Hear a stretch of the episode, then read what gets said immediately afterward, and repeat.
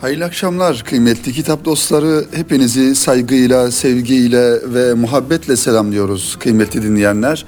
Erkan mikrofonları aracılığıyla sesimizin ulaştığı bütün dinleyenlerimize en kalbi muhabbetlerimizi gönderiyoruz kıymetli dinleyenler. Efendim yeni bir kitap dünyasıyla tekrar birlikteyiz ve yeni kitaplarımızla, yeni konularımızla inşallah bizlere ayrılan süre içerisinde sizlerle duygularımızı, düşüncelerimizi ve tabii ki hazırlamış olduğumuz birbirinden güzel kitaplarımızı paylaşmaya devam edeceğiz. Kıymetli dinleyenlerimiz bu haftaki Kitap Dünyası programına şöyle bizi biz yapan kitaplardan başlayalım. Kitapları anlatarak e, sizlerle buluşalım diye arzu ettik ve e, inşallah özellikle Anadolu'nun mayasını oluşturan birbirinden güzel kitapları sizlere takdim ederek birkaç tane bizim temel taşlarımız olarak gördüğümüz ve e, toplumumuzun zihin dünyasını, düşünce dünyasını oluşturan kitaplar olarak gördüğümüz kitaplardan bahisle programımızın birinci bölümüne başlamış bulunuyoruz. Kıymetli dinleyenler, malumunuz toplumlar, cemiyetler onları değerli kılan unsurlarla varlıklarını sürdürürler ve her toplumun kendi yapısını oluşturan bir takım iç dinamikleri mevcuttur. Bu dinamikler arasında da özellikle kültür ve kitap konusu herhalde en önemli hususlardan bazıları. Din konusu da aynı şekilde dinin muhafazası, dinin bozulmadan devam ettirilmesi ve dinin içerisine hurafelerin e, alınmadan veya hurafelerden arındırılarak e, dinin devam ettirilmesi de toplumun ayrıca hassas olması gereken konulardan bir tanesi. İşte Anadolu'nun mayasını oluşturan kitaplar listesine baktığımızda kıymetli dinleyenler şüphesiz bunların en başında bizim yüce kitabımız Kur'an-ı Kerim gelmektedir.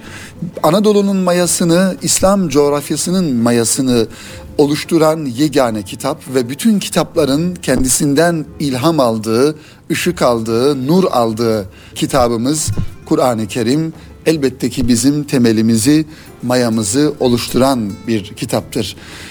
Efendim Anadolu gönülden dökülen sözle mayalanmıştır diyoruz. Anadolu'yu mayalayan söz şüphesiz ki Türkçedir. Türkçe bu topraklarda yaşayan insanları dönüştürmüş, bir birlik potasında eritmiştir. Anadolu'nun kimliği Türkçe ile kurulmuştur. Peki Türkçeyi neler mayalamıştır diye bir soru yönelttiğimizde elbette ki Türkçeyi en başta kitapların kitabı olan ve sözlerin en yücesi Kur'an-ı Kerim mayalamıştır.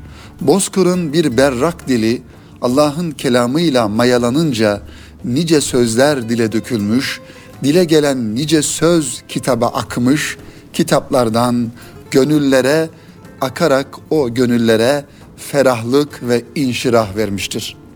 Kur'an ile mayalanan Türkçe ilk olarak Türkistan'da malumunuz Kaşgarlı Mahmud'un Divan-ı Lugati Türkü ile kelimelere dökülmüştür.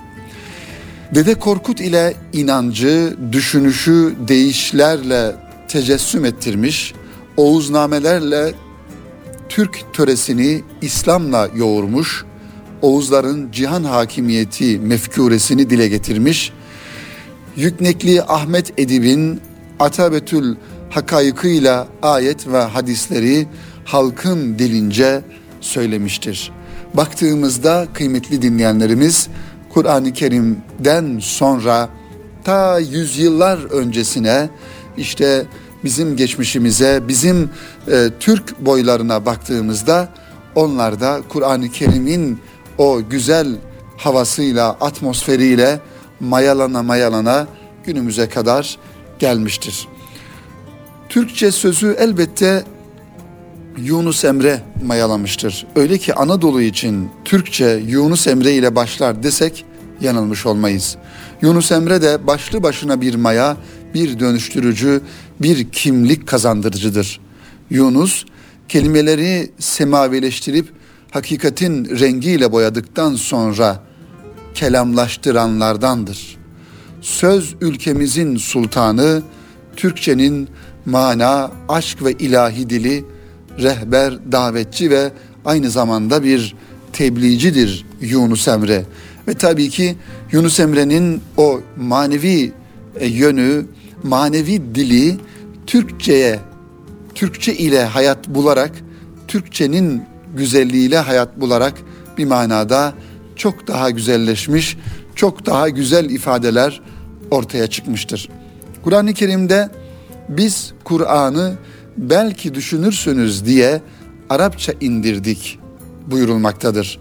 Çünkü ilk hitap edilen insanlar Arapça konuşmaktadır. Yunus bu ayetin sırrınca Türkçe konuşanlara sözü Türkçe söylemiştir. Kişi anladığıncadır. Anladığı kadar vardır.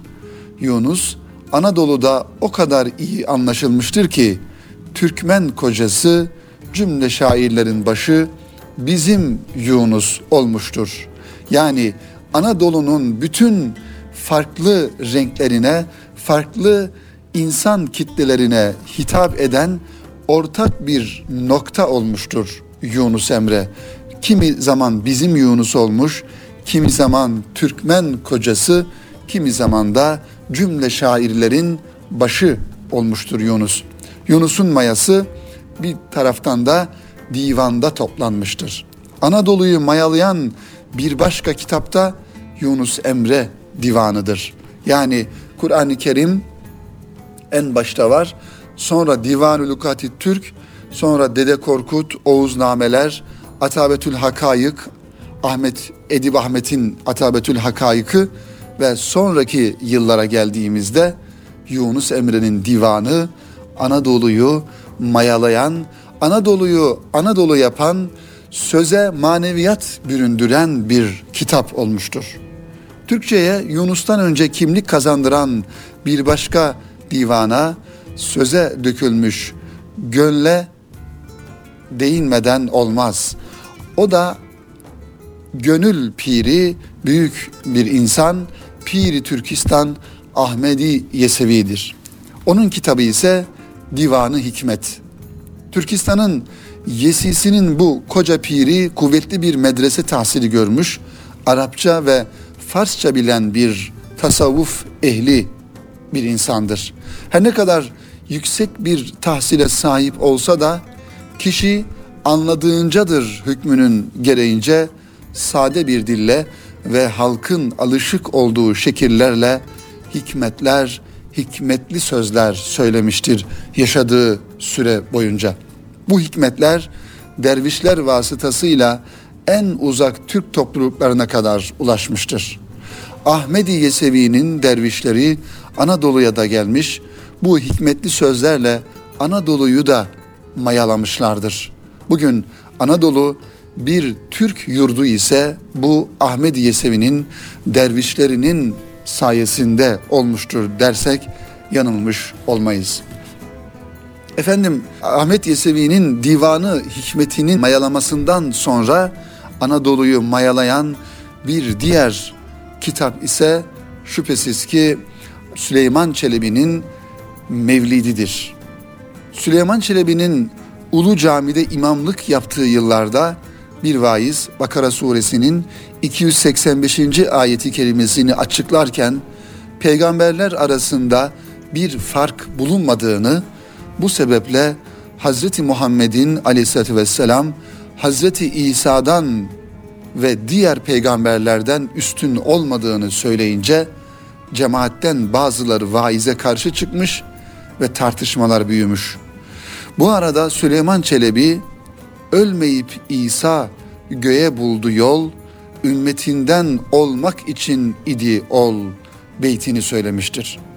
Türkçeyi böylesine güzel kullanan şair, Vesiletün Necat da denilen halk arasında Mevlid diye bilinen peygamberimizin doğumunu anlattığı şiirleriyle Kutlu Nebi'yi Türkçe'ye söyletmiş, Türkçeyi de bu vesileyle şereflendirmiştir.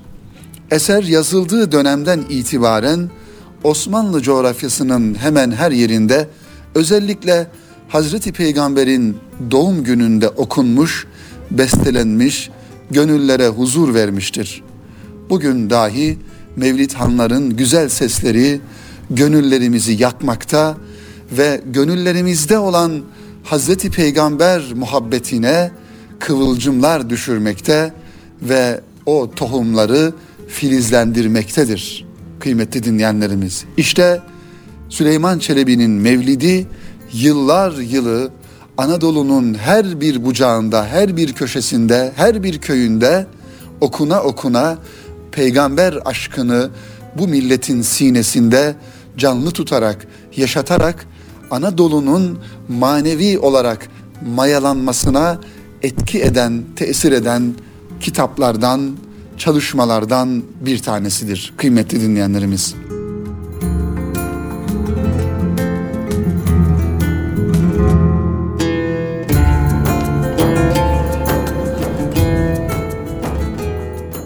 Ve Anadolu'yu mayalayan bir başka kitap ise Yazıcıoğlu Mehmet'in Muhammediyesidir. Yazıcıoğlu Çilehanesinde zikir ve ibadetle meşgul iken bazı yakınlarının kendisinden Hazreti Peygamber hakkında bir kitap kaleme almasını istediklerini daha önce birçok siyer ve mevlidin yazılmış olduğunu söyleyerek bu teklifi kabul etmediğini ancak rüyasında Resulullah'ı görüp ondan içir hikmet şarabın ümmetime sözümü söyle halka aşikare emrini alınca eseri yazmaya başladığını bizlere ifade etmektedir yazıcı oğlu Mehmet. Kitapta insanın yaratılışı ilk peygamberden peygamber efendimize kadar gelen bütün peygamberler ve Hazreti Fatıma'nın Raşid halifelerin ve Hazreti Hasan ve Hüseyin'in vefatları ile bir de münacat kısımları vardır. Vefatların nazmedildiği bu son kısımlar Anadolu'da bilhassa Muharrem törenlerinde asırlarca okunmuş, halk tarafından büyük rağbet görmüştür.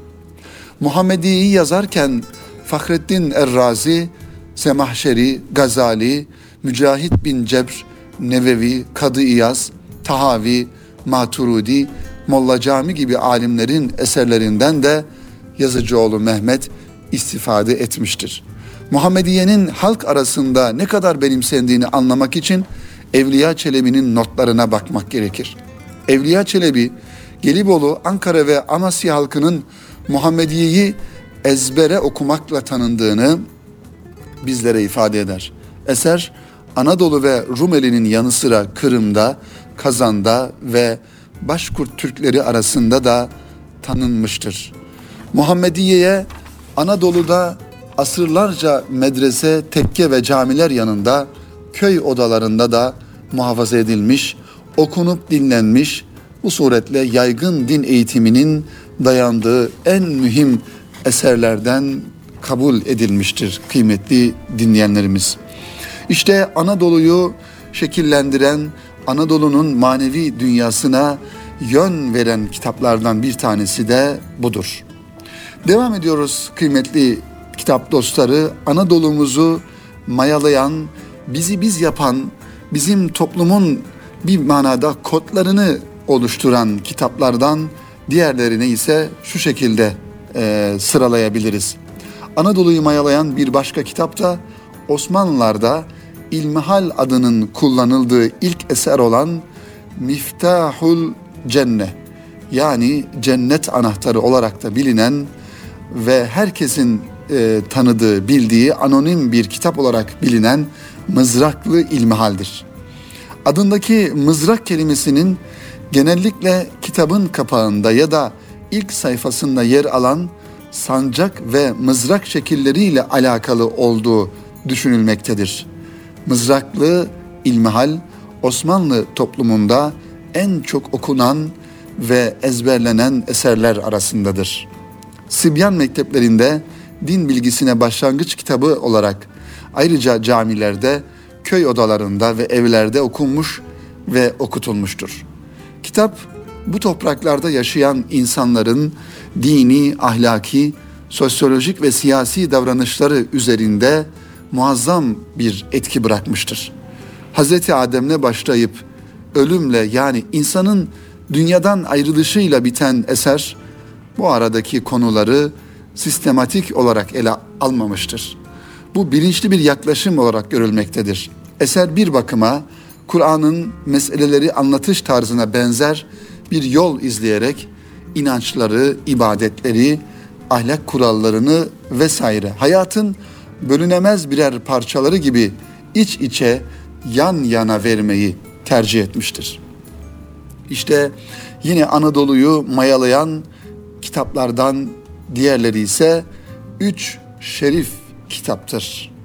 Anadolu Müslümanları üç kitaba bu sıfatı layık görmüşlerdir. Şerif sıfatını layık görmüşlerdir. Bunlardan ilki Mevlana Celaleddin Rumi'nin Mesnevi Şerifidir. İkincisi Kadı İyaz'ın Şifai Şerifidir.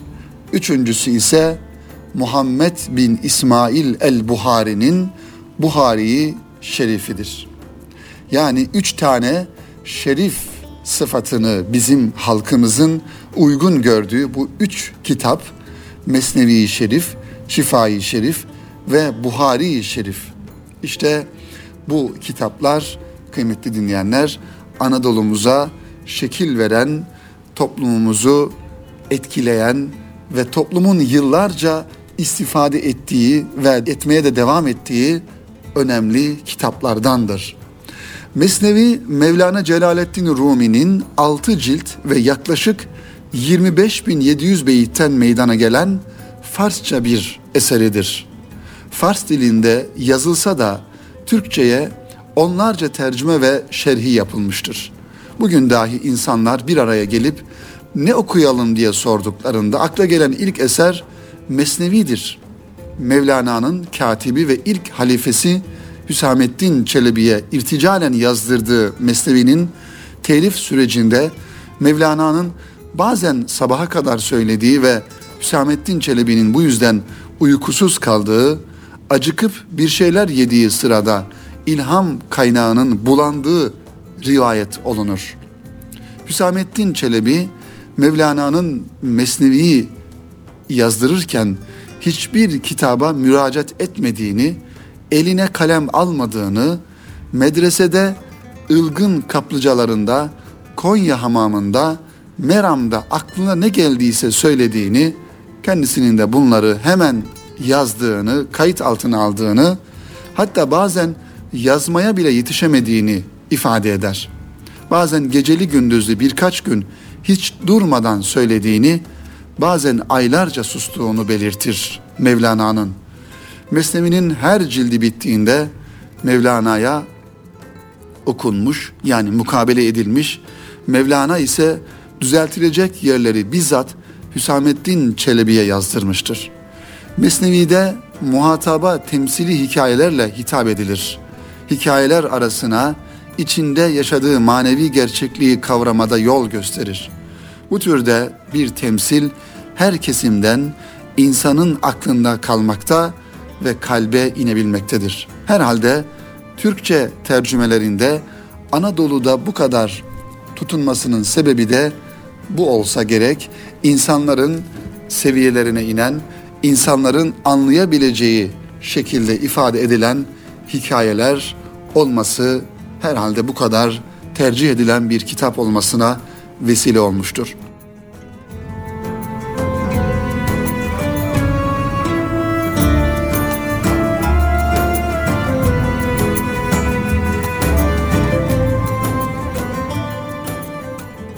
Diğer bir şerif ismiyle sıfatıyla vasıflandırılan kitap ise Kadı İyaz'ın Şifai Şerif. Tabi gönüllerde peygamber sevgisini tutuşturmak, onu bütün yönleriyle tanıtıp anlatmak amacıyla 9 asır önce Endülüs'te kaleme alınmıştır bu güzel kitap. Yazıldığı günden bu yana hem diğer İslam topraklarında hem de Anadolu'da büyük ilgi gören 40'tan fazla alim tarafından şerhi yapılan bazı Selatin camilerinde ve onların vakfiyelerinde şifahanlar tarafından okutulması vasiyeti edilen şifai şerif Müslümanlar arasında müstesna bir yere sahiptir. Şifa-i Şerif bugün dahi camilerde ilim adamlarınca halka okutulmaktadır. Hemen bir parantez açalım kıymetli dinleyenlerimiz. Şifa-i Şerif'i en son belki şerh eden hocalarımızdan bir tanesi Profesör Doktor Yaşar Kandemir hocanın ilk cilt halinde 2012 yılında yayınlanan ve tahlil yayınlarından çıkan Şifa-i Şerif'i de bu anlamda e, alınıp okunması gereken, belki teberrüken kütüphanemizde bulunması gereken güzel eser olarak ifade edebiliriz. Ve diğer bir şerif sıfatıyla vasıflandırılan kitabımız ise Buhari-i Şerif. Buharalı Muhammed İbni İsmail el-Buhari tarafından kaleme alınan önemli bir hadis kitabıdır. Buhari kitabını hocası İshak bin Nahuye'nin Resulullah'ın sahih hadislerini muhtasar bir kitapta toplasanız diye temennide bulunması üzerine tasnif etmiştir. Türkçeyi Allah'ın kelamıyla birlikte peygamberin kavliyle mayalayan bir başka kitaptır Buhari. Ehli sohbet Buhari'yi kaynak alarak peygamber sözünü kulaklara fısıldamışlardır. Bugün dahi Anadolu'da en çok okunan, bilinen, dinlenilen kitaplardan birisidir Buhari-i Şerif.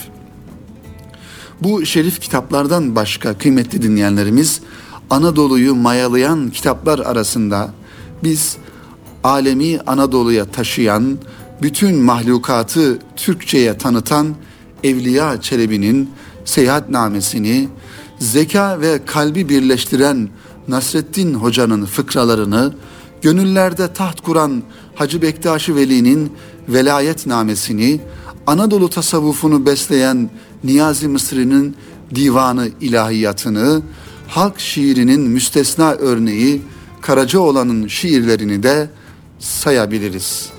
İşte maya yok eden değil, dönüştüren kimlik kazandırandır. Bu tarife bakarak sizler de Anadolu'yu mayalayan kitaplar arasında birçok unutulmaz eserleri sayabilirsiniz. Bu listeye, listeye alabilirsiniz kıymetli dinleyenler. Sevgili dostlar işte bu şekilde Anadolu'muzu mayalayan kitaplardan en azından önemli olanlarının birkaçını sizlere ifade ettik. Tekrar ifade edecek olursak sadece isimlerini başta Kur'an-ı Kerim olmak üzere Anadolu'yu mayalayan en önemli kitabımız Kur'an-ı Kerim hayat rehberimiz. Ve tarihi süreç içerisinde Kaşgarlı Mahmud'un Divan Lukati Türk, Dede Korkut hikayeleri, Oğuznameler, Ahmet Edib'in e, Atabetül Hakayık isimli kitabı ve Ahmet Yesevi'nin Divanı Hikmeti, Süleyman Çelebi'nin Mevlidi Şerifi ve Yunus Emre'nin Divanı, e, öte taraftan baktığımızda üç şerif olarak ifade edilen Şifai Şerif Kadı İyaz'ın e, Buhari'nin İmam Buhari'nin Sahih Buharisi ve aynı zamanda diğer taraftan baktığımızda Mevlana Hazretleri'nin Mesnevi Şerifi bu kitaplar arasında zikredilebilir.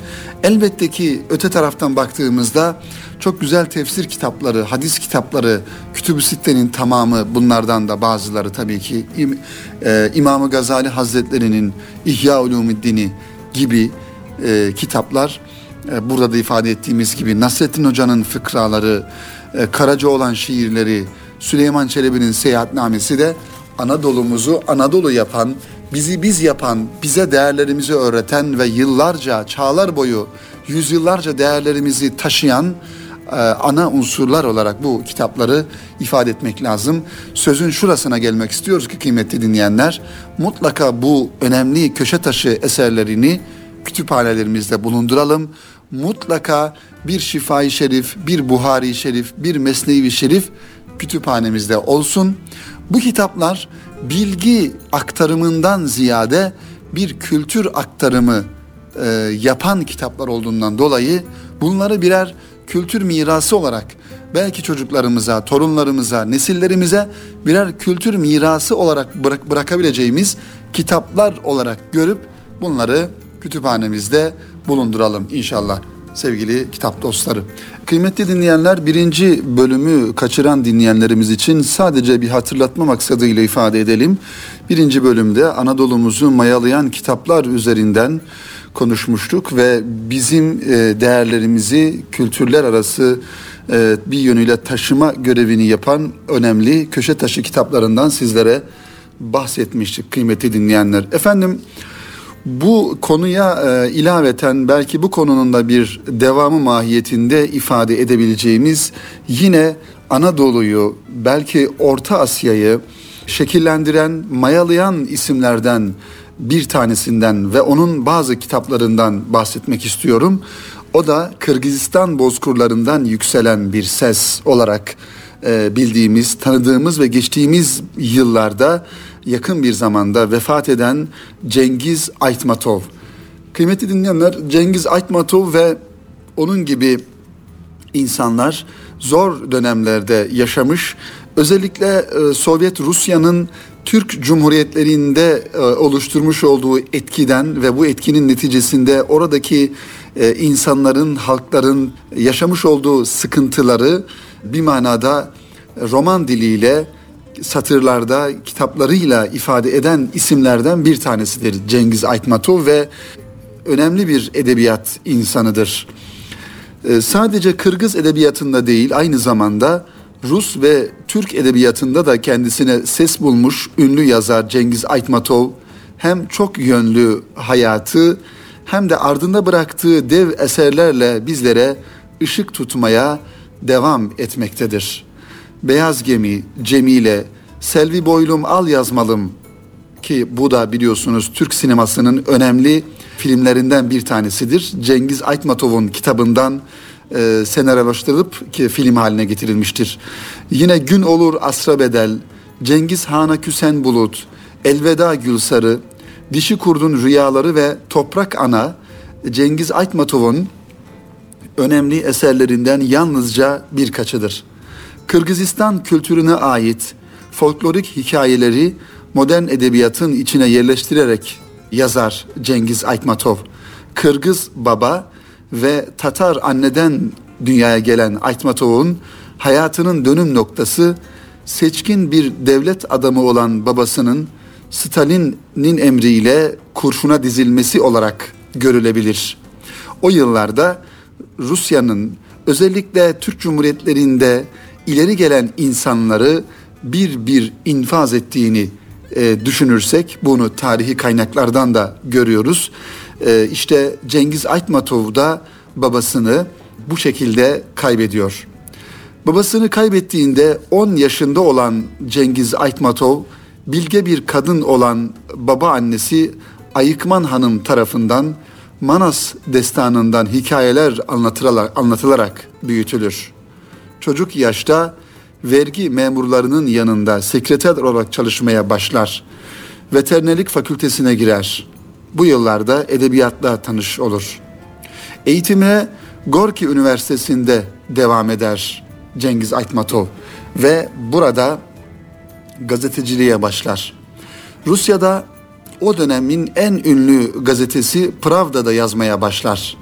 Aytmatov edebiyatçı ve yazar kimliğinin yanı sıra devlet işlerinde de üst kademelerde görev almaya başlar. 15 yıl Avrupa'nın çeşitli şehirlerinde ve Rusya'da Kırgızistan Büyükelçiliğini, e, Büyükelçiliği görevini yürütür. Diplomatik kariyeri onu siyasi alanda Gorbaçov'un danışmanlığını yapacak kadar yükseğe taşır. Devletten itibar görmüş, Sovyet parlamentosuna girmiş bir siyasetçi olarak öldüğünde Gorbaçov ardından hepimize yakın olan o adam gitti der.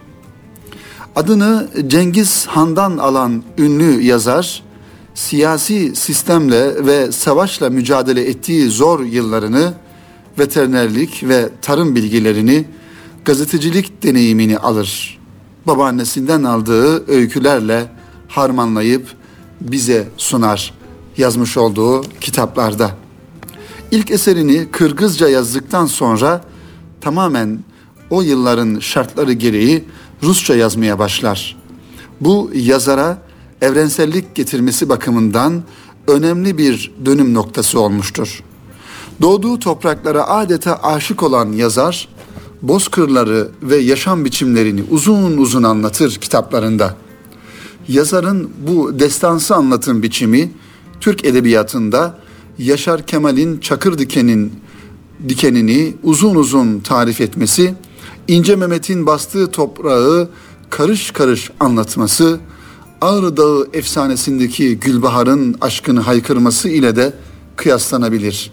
Sadece Kırgız efsanelerini değil aynı zamanda eski Türk inançlarını da yazdığı ve sözlü edebiyata edebiyatı yazıya döktüğü için bizim topraklarımızın yazarı olarak da kabul edebiliriz Cengiz Aytmet Aytmetoğlu.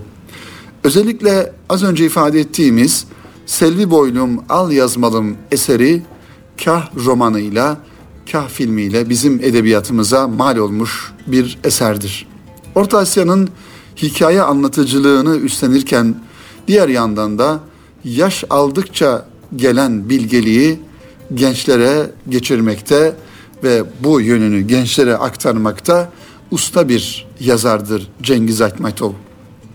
Savaş dönemini, aşk acılarını, kahramanlık hikayelerini, gelenek ve görenekleri, ninnileri, türküleri, masalları, efsaneleri anlatan modern Homeros'a dönüşen Aytmetov'un öne çıkan eserlerini, eserlerinden bazılarını da şu şekilde ifade edebiliriz kıymetli kitap dostları.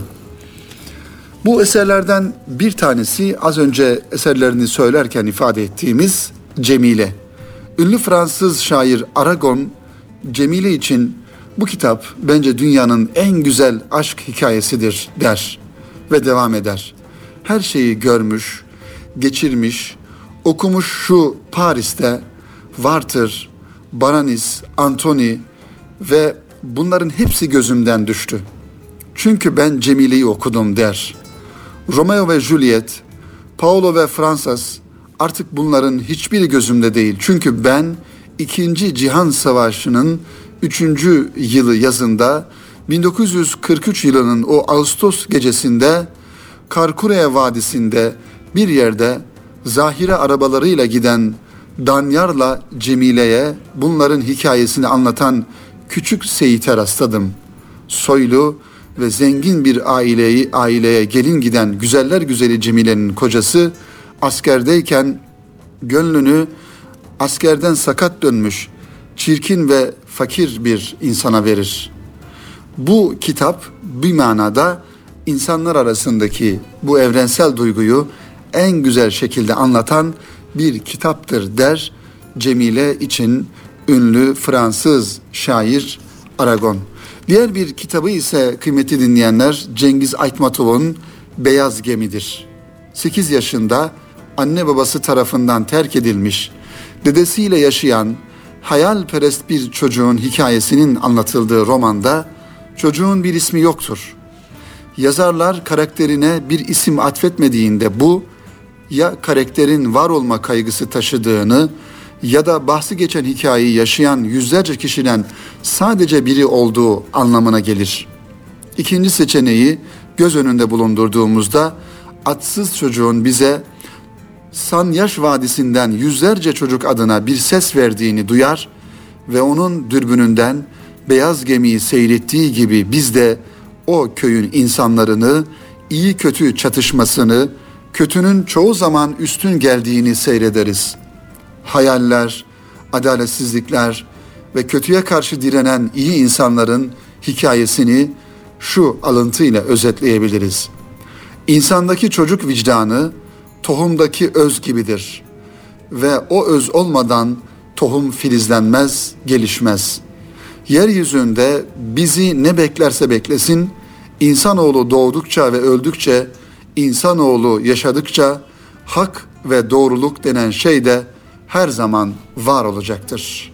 Bu Beyaz Gemi kitabının belki de en güzel özetini bize bu cümleler yapıyor.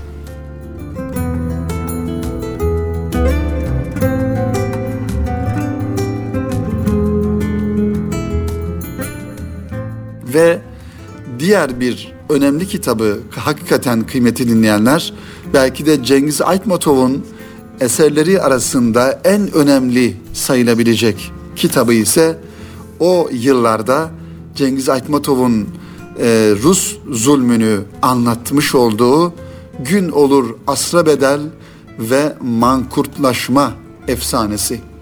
Öz benliğini yitirerek kendini kimliksiz, kimliksizleştiren ve bilincini yitiren köle insanların anlatıldığı Gün Olur Asra Bedel romanında Orta Asya halkları arasında yaygın bir işkence ve zihin kontrol türü olan mankurtlaşma anlatılır.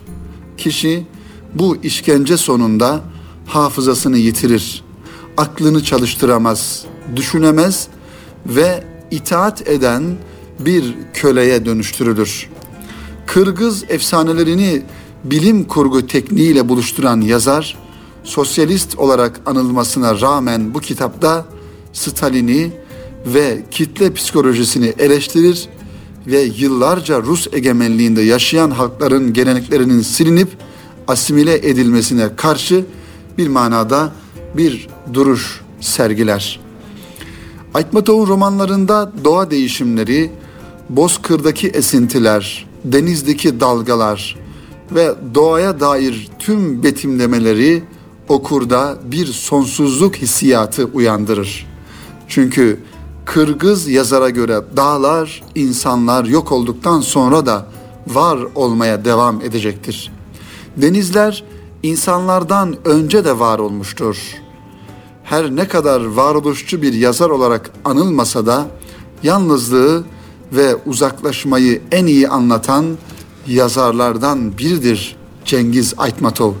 Eski ile yeni arasında sıkışmış kalmış, bu yüzden iki dünyada da var olmak zorunda olan bir jenerasyonu anlatır. Geleneklerin yok edilme çabasına bir anlam veremedikçe bu tema etrafında döner durur. İçine doğduğu coğrafyayı ve yaşanan acıları batıya tanıtmak açısından kilit bir noktada duran Cengiz Aytmatov'un ölümünün ardından bazı gazeteleri onu büyük sosyalist, realist yazar olarak över ve ancak toprağına aşık bir adam oraları bu kadar güzel anlatabilir.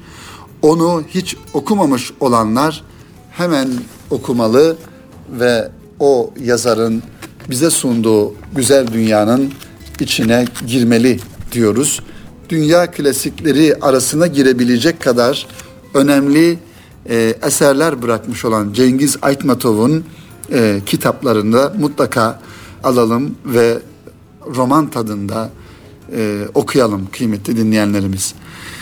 Efendim programımızın son dakikalarına gelmişken kitap vitrini e, olarak sizlere sunabileceğimiz ve bazı e, kitaplardan e, bahsedeceğimiz bölümde ise yayın evlerinin çıkarmış olduğu ve e, yeni kitaplar olarak e, ifade edebileceğimiz birkaç kitaptan da sizlere bahisle programımızı bitirelim. İlk olarak Stratejik Liderlik ismiyle Mustafa Özel'in Küre yayınlarından çıkan e, bir kitabı.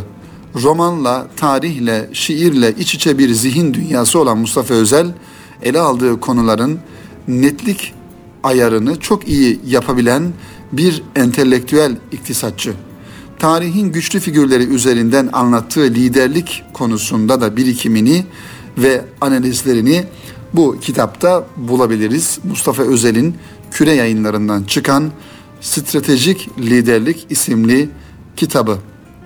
Diğer bir e, kitap ise sizlere sunabileceğimiz kıymetli dinleyenlerimiz e, Cenab Şahabettin'in çizgi kitabevinden çıkan Suriye mektupları.